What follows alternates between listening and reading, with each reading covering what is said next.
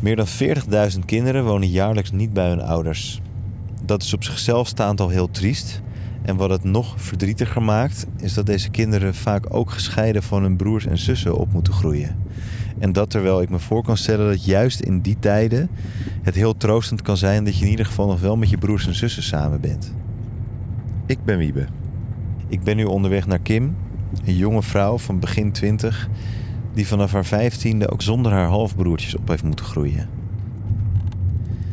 Als ik hier om de hoek ben, dan zijn we volgens mij in de juiste straat. Ja, gaan parkeren.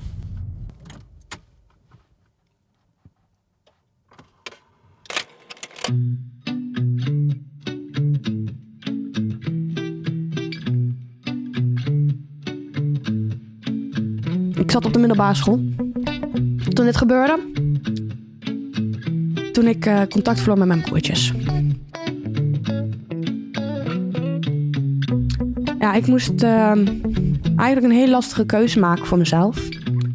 Ik moest kiezen tussen eh, of bij mijn stiefmoeder en broertjes in de buurt blijven.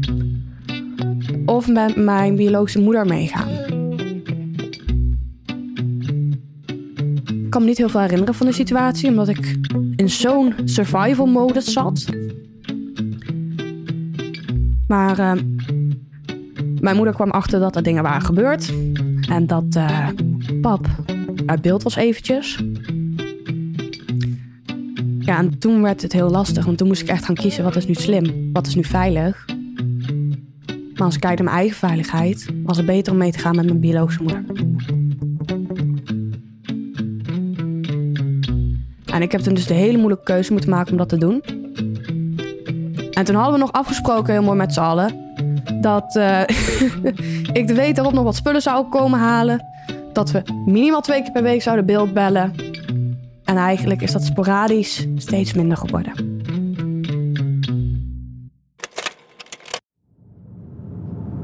Hey, waar, waar neem je me nu mee naartoe, Kim? Ja, ik neem je mee eh, naar eh, Levi en Noah. Levi is mijn eh, vader.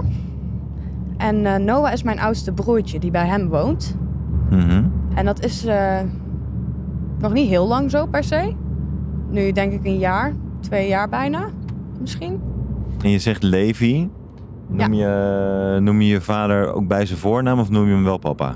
Ik noem hem eigenlijk altijd Paps. Paps. Ja, Paps. En Noah is je broertje. Ja. Ja, want we rijden natuurlijk niet zomaar naar, eh, naar je vader en naar Noah toe. Want er is, daar is een aanleiding voor. Ik eh, heb een, eh, ben gescheiden geweest van mijn broertjes. En dat is voor mij heel zwaar geweest. Onderhand eh, komt er steeds meer contact, gelukkig.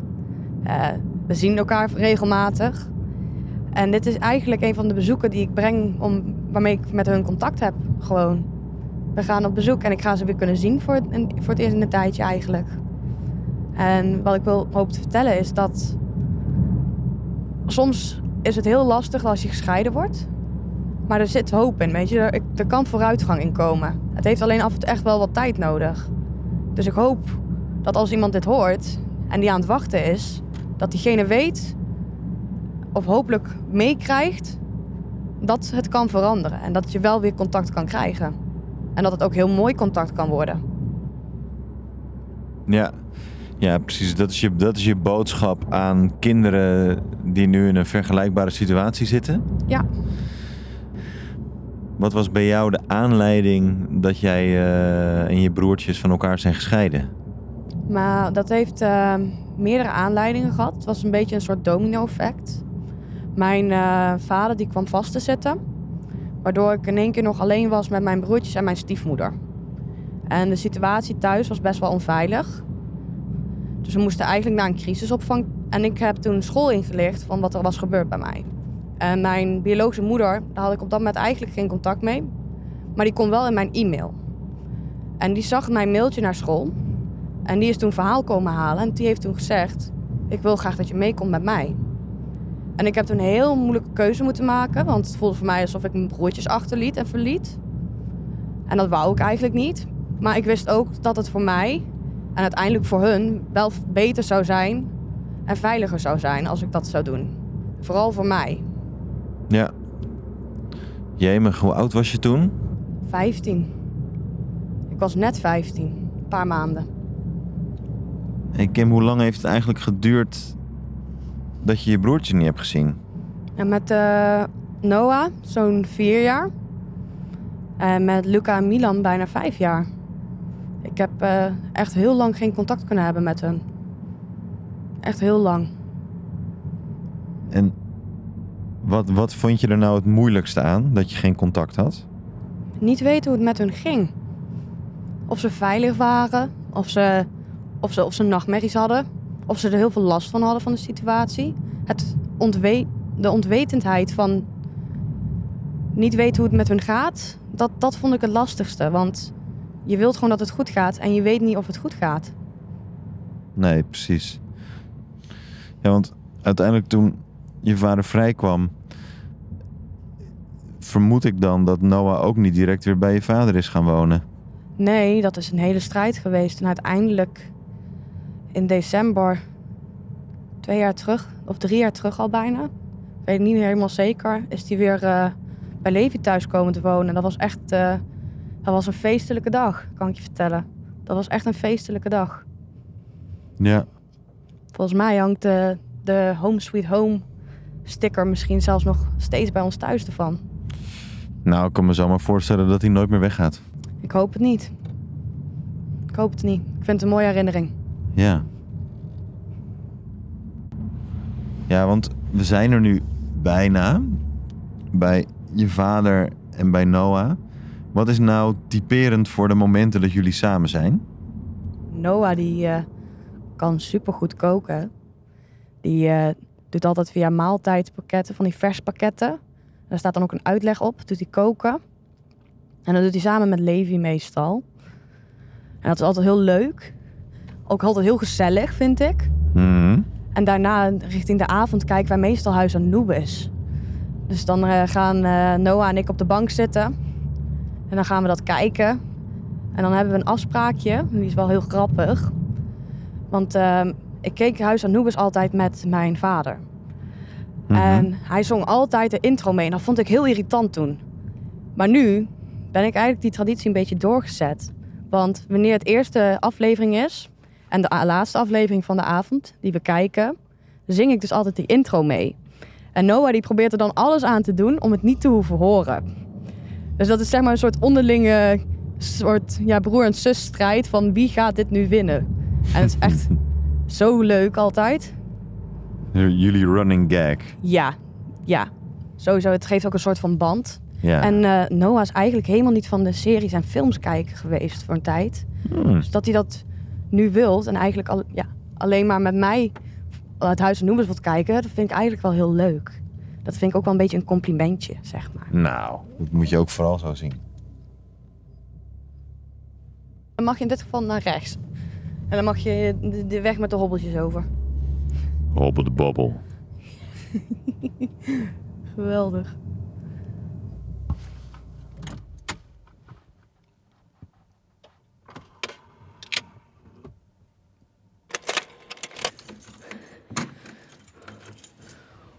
Hoi. Hallootjes. Hallo. Hallo. Ja. Ik kom een keer Hey. niet alleen. Je hebt zeg maar drie jongens. En je hebt eh, Noah, Luca en Milan. En Noah die, heeft, eh, die is de oudste van de jongens. Noah is momenteel 12. En dat maakt Luca 10. En Milan volgens mij 7. Het leven van Noah is wel een beetje, zoals de mensen dat zo noemen, chaotisch en rommelig gelopen, denk ik. Op jonge leeftijd kwamen we al achter dat hij autistisch was. Ehm, wat ook een gelukje was, want daardoor konden we er heel gemakkelijk ook op inspelen op tijd. En dat heeft tot de dag van vandaag denk ik heel veel vruchten afgeworpen. Ook eh, de manier waarop Levi, pap, gewoon met Noah omgaat, dat is echt... Die weet elkaar aan te voelen op een manier dat ik er echt bewonderend naar kijk. Noah, mag deze man mee? Mag deze meneer mee boodschappen doen? Ja, zeker. Mooi. Je weet al waar je wilt gaan eten vanavond, waar je wilt gaan koken? Tomatensoep. Tomatensoep.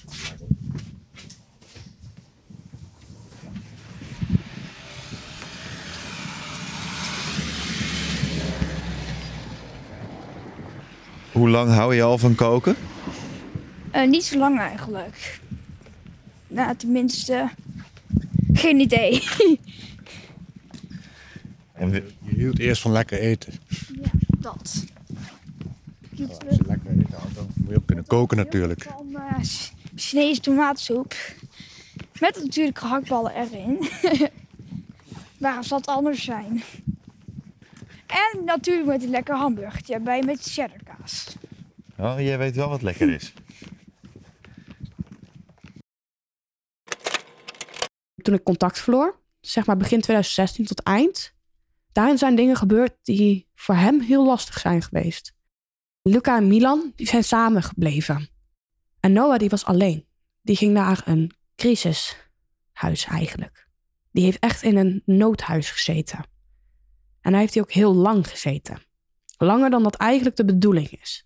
Onderhand heeft hij het wel een plekje kunnen geven volgens mij. Maar hij heeft toen wel redelijk veel mee mogen maken. Uit huisplaatsing. eh, scheiding van broertjes. Scheiding van zus. Hij was in één keer in zijn uppie. Kan ik jou ergens mee helpen, Boef? Waarmee moet ik beginnen? Oké, ik ga het eerst de boel snijden. Ja? Dus, eh, ja, die. Deze kleine vingertjes. En Noah, hoe is het om weer bij je vader te wonen? Goed. Heel goed. Was je daar heel anders dan dat je hier thuis bent?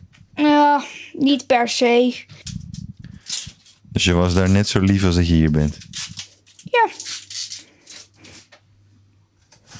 En wat is er het fijnste aan weer bij je vader wonen? ja gewoon eh, meer sche- schermtijd. Alleen ik woon wel dichter bij je school. Want da- daar was de 10.000 meter van school vandaan of zo. En nu woon je weer dicht bij school. Ja. Nee, daar was het eh, een uur verwijderd. En hier is waarschijnlijk een kwartier tot 20 minuten. Van mijn oude school dan. Want nu zit ik op middelbare. En zijn er ook dingen waar je nog aan moest wennen toen je weer hier woonde? Ehm, ja, vooral, de, vooral hoeveel rust hier eigenlijk wel niet is. Is je echt veel meer rustiger dan als je daar bent hoor. Hoe komt dat dan? Daar zit soms vol pubers, jongen. Je wilt niet weten. Maar ik kon er wel mee omgaan. Je bent zo goed netjes aan het snijden, man. Ja, twee keer raden van wie ik het heb geleerd. Eh pap, zal ik eh, alle, ding, alle dingen doen behalve die zachte? Ja, doe maar. Oké. Ja, Leef, hier heb je al die tijd voor gestreden. Hè? Ja. Weet je wat het voor doet, hè? Geniet, je, geniet je er ook nog eh, elke keer van? Of, of wordt het ook wel weer normaal? Nee, wordt niet normaal. Nee. Nee, het blijft speciaal. Misschien dat het ooit normaal wordt, dat weet ik niet. Maar Deze nee, voorlopig is het eh, genieten. arme worteltje die erbij zit. Ja, echt aan.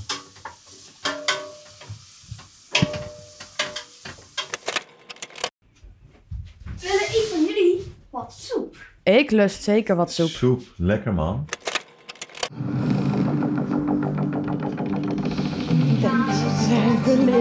Heel veel kaas.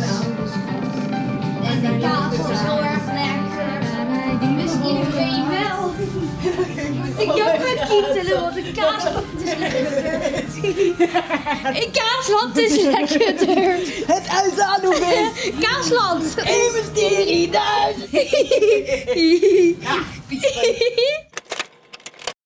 Mijn vader en ik hadden al zo'n dichte band vanaf het begin. Ja, we hebben echt een... We zijn twee, vier handen op één buik. Hij huilt, ik huil. Hij lacht, ik lach. Hij vindt iets geweldig. 9 van 10 keer vind ik het ook geweldig. En dat is niet omdat ik hem meedoe, maar gewoon omdat het zo is. En terwijl hij weg was uit beeld, hebben wij heel veel geschreven, heel veel brieven.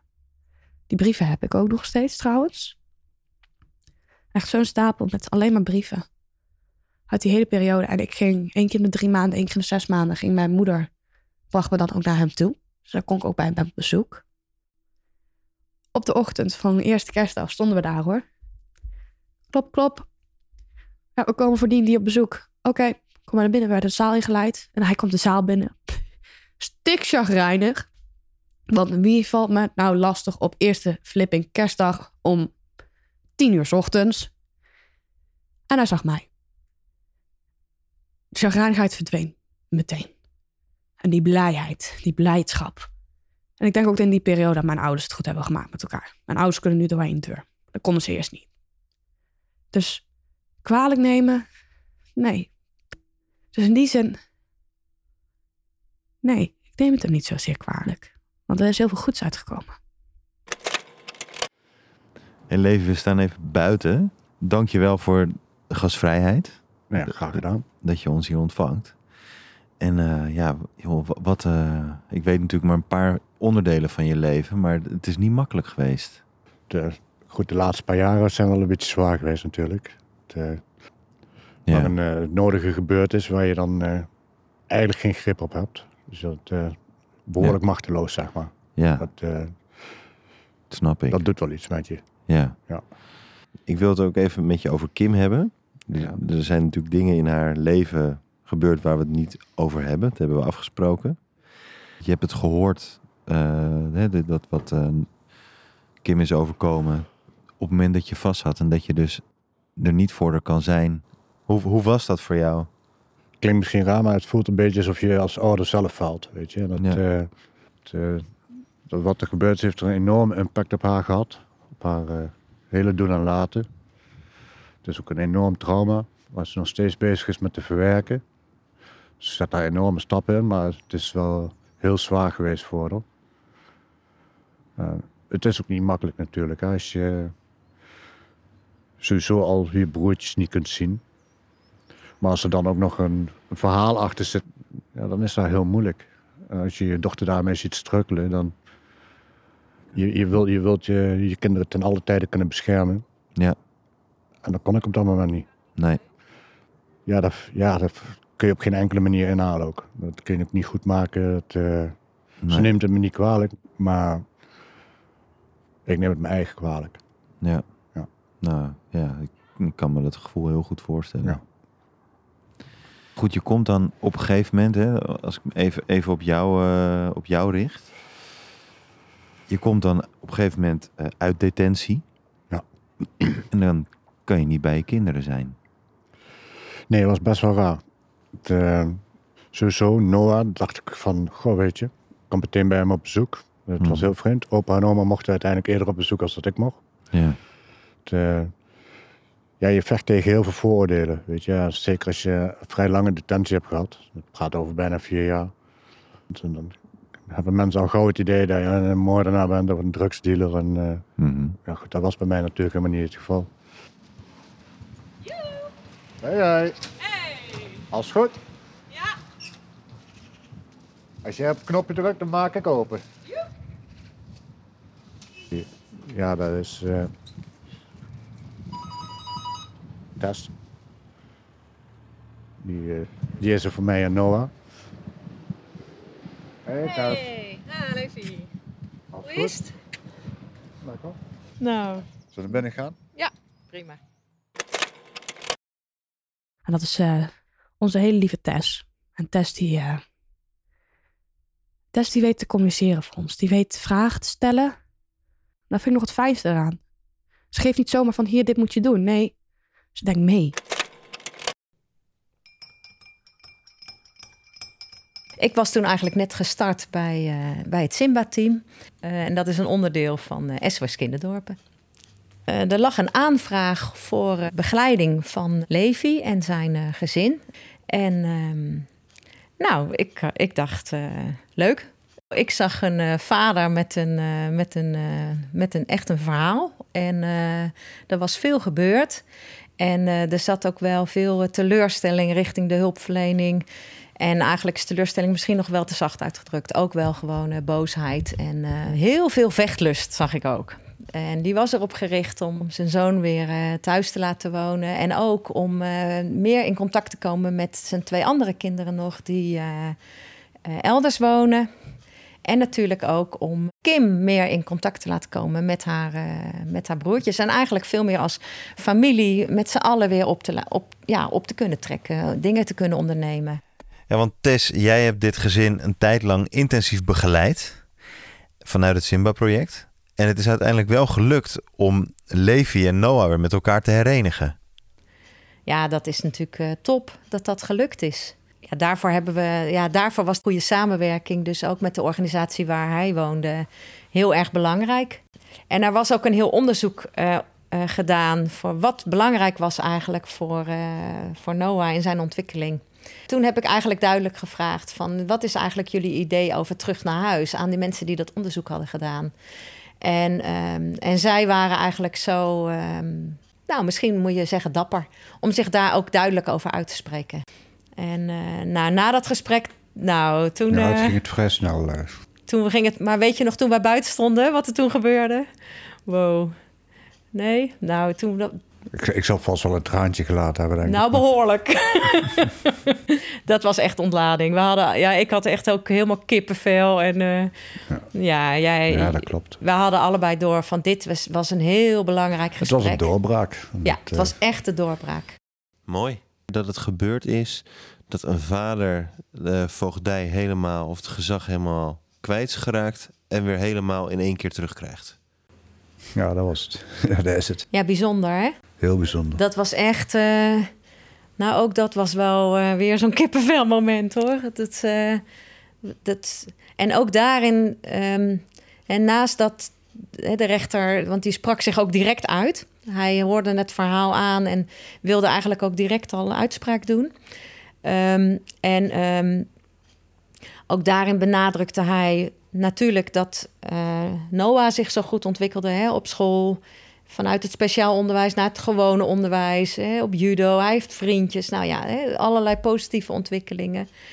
Ehm, maar zei hij, vader, ik zie ook dat u nu in staat bent om over je eigen schaduw heen te stappen. En ook eh, in het belang van uw kinderen te handelen. En eh, dus hij, gaf eigenlijk een aantal redenen waarom hij gewoon op dat moment ook wist van, nou, de voogdij kan eraf. En, eh, en ook dat is eigenlijk een resultaat van goede samenwerking van alle betrokken hulpverleners. Want iedereen stond op dat moment achter dat besluit. Eh, ook toen we dat inbrachten bij de rechter. Dus ja, dat was echt een gedragen iets. En eh, Hmm. ik, het was fantastisch natuurlijk dat die rechter dat ook zo oppikte. Plus de kinderbescherming. En eh, ja, nou, dat was feest. Ja, dat was wel een feestje. Ja. ja, mooi. prachtig. Dat was prachtig, ja. Hoe ziet het leven van eh, die twee mannen in dit huis eh, eruit? Ja, nou, ik ben er natuurlijk geregeld hier over de vloer als eh, Mhm. Noah uit school komt. Vol verhalen gaat hij dan vertellen over dingen die hij beleefd heeft tegen zijn vader. Ik zie ook heel regelmatig worden de filmpjes eh, opgestuurd van eh, dat ze samen staan te koken of dat eh, Noah alleen staat te koken. En dan hoor je Levi op de achtergrond. En wat ben jij nu aan het maken? Nou, en dan ik zie dan eigenlijk een hele trotse vader en een genietende zoon van het met elkaar zijn. En ja, dingen die voor veel mensen denk ik vanzelfsprekend zijn. Die, je ziet hier echt dat het nog... Gevierd ja, wordt. Ja, het wordt gevierd. Ja, dat kunnen jullie samen. Goed. Ja. Ja, je hoeft je lach niet te onderdrukken hoor. Nee, nee, nee, ja. Nee, ja, dat is het ook. Fantastisch natuurlijk dat die hereniging tussen eh, Levi en zijn zoons eh, weer plaats heeft gevonden. Maar dat betekende niet automatisch dat Kim haar halfbroertjes ook weer mocht zien. Ja, kun je je nog herinneren hoe dat was voor Kim? De teleurstelling over hoe dat gelopen is eh, met haar broertjes en, eh, en, het, en het, het feit dat er bijna geen contact is geweest een hele tijd, of geen contact. En eh, ja, dat, dat is een hele zware, zware klus voor haar geweest, ja. Daar heeft ze ook wel veel hulp op, op, op ontvangen. En eh, ja, je zag natuurlijk toen ik haar leerde kennen hoe haar dat raakte. En eh, gevormd had ook. Dus ehm, Nou, daar heb ik met respect naar geluisterd natuurlijk. En, en eh, ook wel met verbazing van, jee, wat is hier allemaal gebeurd? Ik ben zo boos geweest. Echt, ik ben echt zo, zo ontzettend boos geweest. Want ik ben maar een kind. Ik kan geen kant op. Ik ben afhankelijk van jou om te regelen dat ik mijn broertjes kan zien. En jij kan het niet regelen. En dat had ik bij iedereen, precies hetzelfde idee. Bij elke volwassene. Ja, maar dat komt wel goed. Ja, we gaan dit regelen. Ja, maar je kan het niet regelen. Want jij bent niet de persoon die het moet regelen. En de persoon die het moet regelen, die kan het niet regelen, ondanks dat hij het wilt regelen. En dat maakte zo boos, want ik kon geen kant op. Ik zat tegen, ik werd van het kastje naar de muur gestuurd. Ja, we kunnen niks vertellen over je broertjes, want je bent maar halfzus. Nee, we kunnen je niet in contact brengen met je broertje, want je bent maar halfzus. En toen heb ik met haar eh, gekeken van, en met, eh, met Levi natuurlijk, van ehm, wat is nodig om hier, ehm, nou, dat hier ook nieuwe stappen ingezet kunnen worden. En ehm, dus toen zijn we ook het gesprek aangegaan met eh, de andere hulpverleners die daarin nog betrokken waren. En vooral ook met Voogd, die toen betrokken was, de nieuwe Voogd ook. Om daar nieuwe stappen, om te kijken welke nieuwe stappen daarin konden zetten. En, eh, maar toen hadden wij inmiddels ook al een veel betere samenwerking gekregen, eigenlijk ook met alle hulpverleners en Levi. Dus dat Toen, hielp toen heel liep eigenlijk goed. alles al een beetje Ja. de goede richting op, zeg maar. En, to- en dat maakte eigenlijk ook dat we met nieuwe vragen konden komen en daar ook met elkaar antwoorden op konden bedenken. Die zouden helpen daarin. Het scheelt ook een heel eind dat die nieuwe voogd, die, die stond er heel snel open voor. En eh, die was ook vrij positief en alles. Waardoor ook eigenlijk heel snel eh, het contact hersteld kon worden tussen haar en de broertjes. Ja. lacuna. Dat betekent eigenlijk hele grote leegte. Een soort leeg meer. En toen ik gescheiden was, voelde ik dat. Ik voelde een soort leegte die ik niet wist te vullen. En wanneer ik dan rondom hem ben, dan voel ik die leegte wat minder worden. En elke keer als ik ze zie, wordt het wat minder. En weer wat minder. Dat is wat ze voor mij betekenen. Hun betekenen voor mij helen. Iets terugvinden wat ik had verloren. En dan iets nieuws van maken. Bij de start liepen er wat bezoeken. Daar zat best wel wat stroefheid op, volgens mij. En het was een, ve- een veel minder, eh, veel minder eh, lage frequentie. Dus dat we dat nu maandelijks kunnen. ja, het zijn vaak heel gezellige, leuke bezoeken. En eh, ja, waar Kim ook erg naar uitkijkt, dat weet, ik, dat weet ik van haar. Dat heeft ze echt vaker benadrukt. Dat dat gewoon echt highlights zijn eh, in haar eh, leven nu.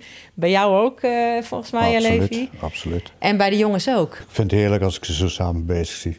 Ja, Ja, daar dat, kan ik echt van genieten. ja, dat is heel zichtbaar. Dan loop je echt met een grote glimlach loop je er zo doorheen.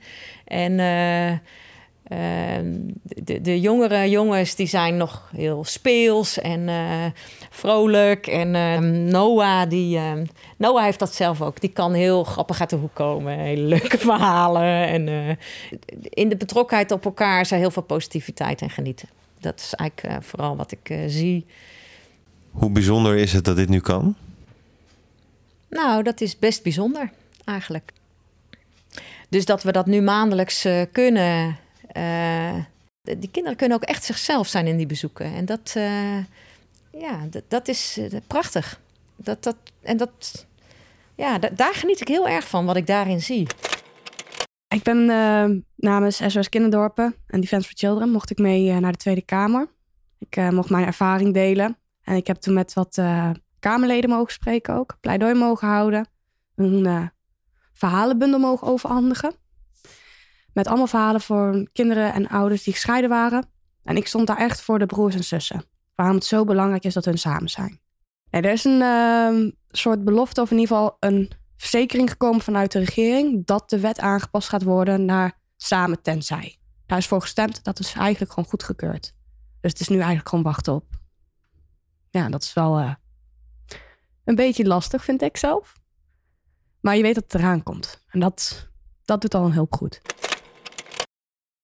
Ja, ik ben heel blij dat we dat zo op de agenda hebben kunnen zetten. En, ehm, en dat Kim dat ook doet. Nu ja, ook nog altijd naar handelen. En dat is eh, stap twee, denk ik. Ja. ja.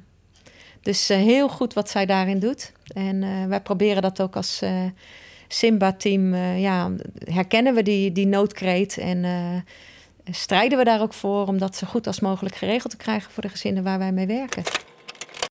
Iemand die houdt van muziek, klaar staat voor anderen en een pleziertje niet uit de weg gaat. Dat is eh, denk ik hoe ik mezelf zou be- beschrijven. Dat en ik ben ook wel enigszins serieus. Ik ben bezig met het zoeken van nieuw werk. Ik ben bezig uit te zoeken wat ik wil gaan doen in de toekomst. Dus wat voor opleiding ik wil gaan volgen. En ja, ik, eh, mijn partner die werkt veel. Dus dat, eh, het huishouden is ook wel grotendeels mijn taak geworden. Nou ben ik niet het meest goede in het huishouden. Dus dat is wel een, eh, een leuk dingetje, zeg ik altijd. Dus eigenlijk, ja, het is... Maar het is wel, ondanks de chaotischheid, is het nog wel rustig. Weet je, het is... ik kan lopend door het leven gaan in plaats van rennend. Op het moment. En dat is een verandering die wel heel prettig is. Die ook wel een tijdje op zich heeft gewacht.